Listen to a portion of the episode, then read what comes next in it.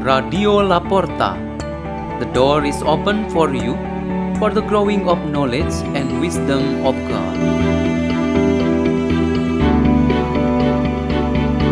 by Manette Maturan from the parish of Saint Don Bosco, Danau Sunter, Jakarta.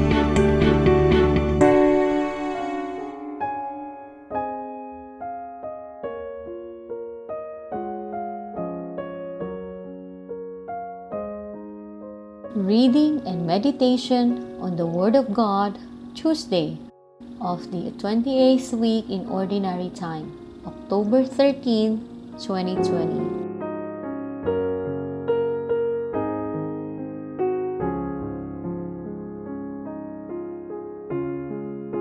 The reading is taken from the Holy Gospel according to Luke.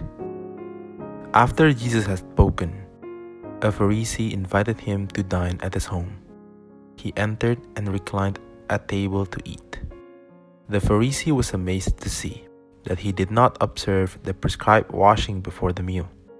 The Lord said to him, O you Pharisees, although you cleanse the outside of the cup and the dish, inside you are filled with plunder and evil.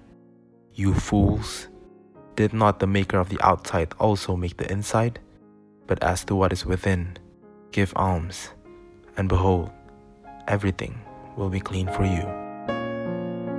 The word of the Lord.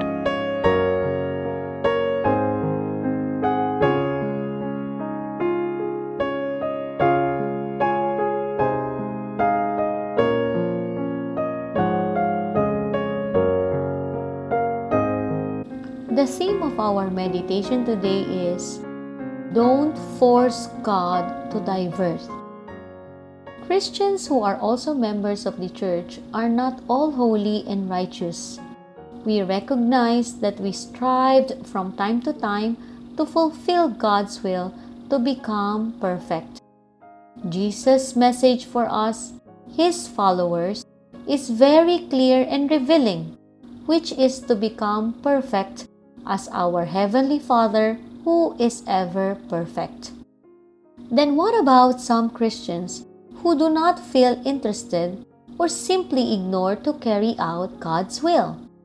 This is the same question that the parish priest once asked some of the altar boys whom he met after the celebration of the Holy Mass.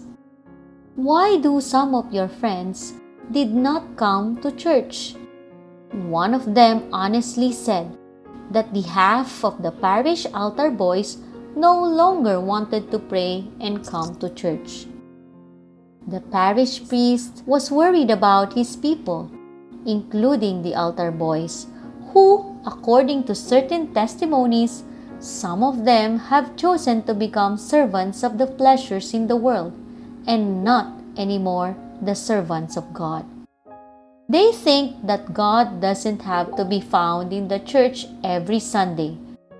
God is also found in streets, in sexual exploitation, in adultery, in corruption, and in other crimes. They enjoy this worldly life very much because they find satisfaction and pleasure. They really force God to divert or to change from where He is absolutely to be. God is made no longer the Lord who is a straight with truth in His will. St. Paul in the first reading really hopes that our faith only depends on the straight line from Christ, the Son of God. This emphasizes on our obedience. Our upright fidelity must be made consistent in all times and places so that we do not fall into other influences that come and go without end.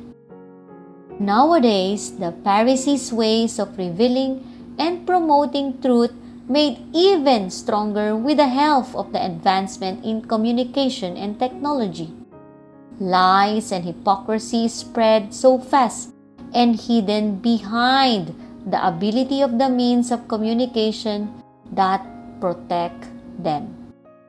It seems that God and His truth will continue to be forced to turn directions. The Lord Jesus strongly condemned this kind of Pharisees' lifestyle, namely hypocrisy that is massively propagated and imposed. So, with Jesus, who is very firm, and St. Paul, who is so outspoken, we need to hold firmly to this reminder. Don't force God to divert. Instead, we just follow the direction of St. Paul and Jesus Christ because this is the straight direction towards the Father. Let us pray. In the name of the Father, and of the Son, and of the Holy Spirit. God Almighty, we want to affirm our confession of faith to follow Christ faithfully and responsibly. So, bless our daily efforts to be like you.